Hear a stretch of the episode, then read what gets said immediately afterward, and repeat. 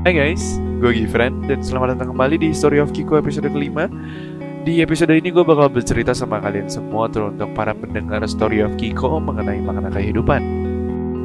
Pertama-tama gue mau cerita sama kalian semua kalau gue ini sekarang lagi di dalam fase Di mana gue merasakan tekanan kehidupan. Di bulan ini gue lagi dikasih libur dari kuliah dan saking gak ada kegiatan sama sekali gue ngerasa kayak nganggur banget. Dan di sini gue butuh banget sama kerjaan apa pun itu yang mungkin bisa ngebuat gue jadi lebih produktif. Akhirnya gue nemu tuh pekerjaan yang emang gue rasa gue mahir dalam bidang tersebut. Tapi pernah gak sih kalian ngerasa kayak, aduh capek banget. Gue juga aneh. Aneh, aneh kenapa? Karena di saat gue ada jadwal kuliah, gue pengen banget libur. Dan di saat gue libur, gue butuh banget kerjaan. Dan saat gue ngerasa ada kerjaan, gue gue ngerasa malas banget buat kerja dan itu semua menjadi bukti kenapa gue lagi ngalamin fase tekanan sama kehidupan ini. Gue juga ngerasa gue bukan satu-satunya orang yang lagi ngalamin fase kayak gini. Gue ngerasa teman-teman gue juga lagi dikasih cobaan sama kehidupannya. Kehidupan mereka masing-masing of course. Ada yang lagi ngalamin kegagalan di bidang karir pekerjaannya, ada yang lagi sibuk sama dunia kuliahnya, ada yang punya masalah sama anaknya sendiri, terus ada juga lagi yang gak baik-baik aja sama pasangannya, dan terlebihnya yang ngebuat sedih banget adalah gimana kondisi orang tua gue yang makin tua dan gue khawatir banget sama mereka terutama ibu gue yang kerja dari pagi sampai malam. Dia kemarin sempet curhat sama bokap gue kalau dia lagi capek sama kerjaannya. Ditambah lagi biaya kuliahnya gue yang bisa dibilang gak murah. Gue bukan seorang anak yang lahir dari keluarga kaya tapi apa pun itu gue bakal berusaha untuk membuat keluarga gue menjadi keluarga yang harmonis. Ibu sayang makasih udah mau menjadi wanita yang kuat untuk anak-anaknya ya. Gue ingin banget rasanya orang tua gue menyaksikan di mana suatu hari nanti gue akan menikahi wanita gue yang selama ini gue impikan.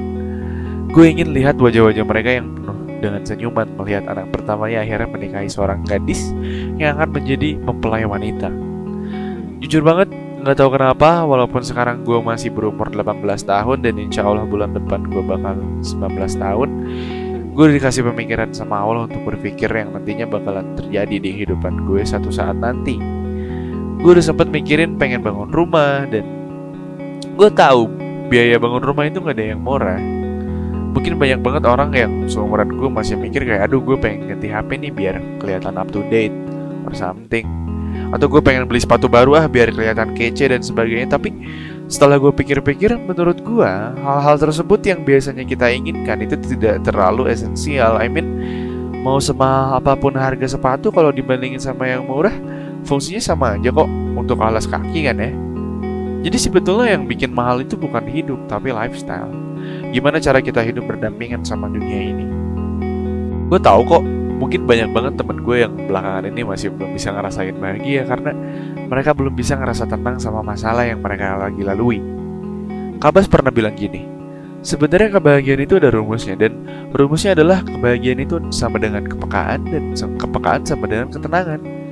Jadi kalau lu nggak tenang sama apa pun yang lu punya, lu nggak bakal bisa bahagia. Pada akhirnya merasa cukup kan? Dan dan yang mahal itu bukan hidup tapi lifestyle. Tapi kalau lu omongin jadi konsep ekonomi atau konsep bermasyarakat, lu juga harus sadar bahwa kalau ada emang banyak banget orang-orang yang kurang beruntung yang belum bisa bahagia karena nggak tenang.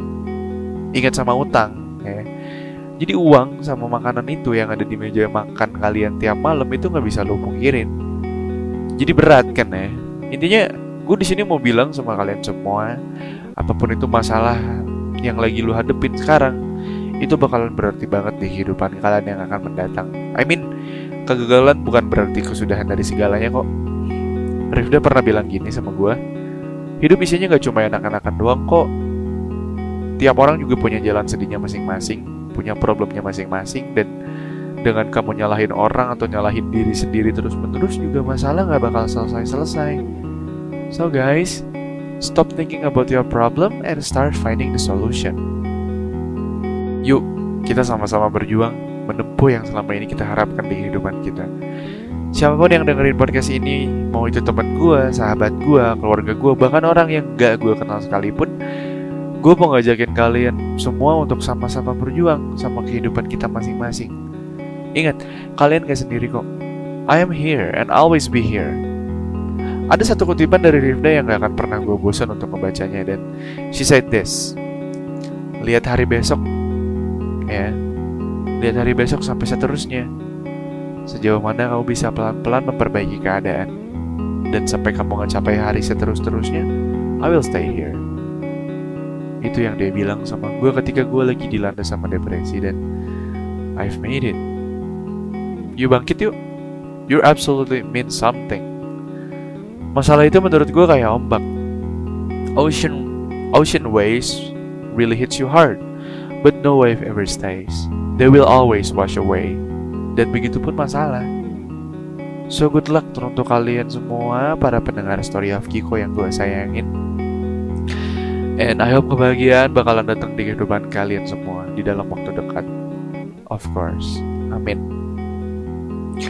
Maybe that's it. Makasih banyak udah dengerin episode 5. Semoga apa pun yang gue sampaikan ke kalian semua bisa jadi bahan pelajaran bagi kalian semua yang lagi dilanda masalah ya. Dan untuk kalian semua yang mendengarkan podcast ini, of course, I will see you later di episode ke-6. Dan ingat, Kiko sayang kalian semua. Bye bye, and I'm out.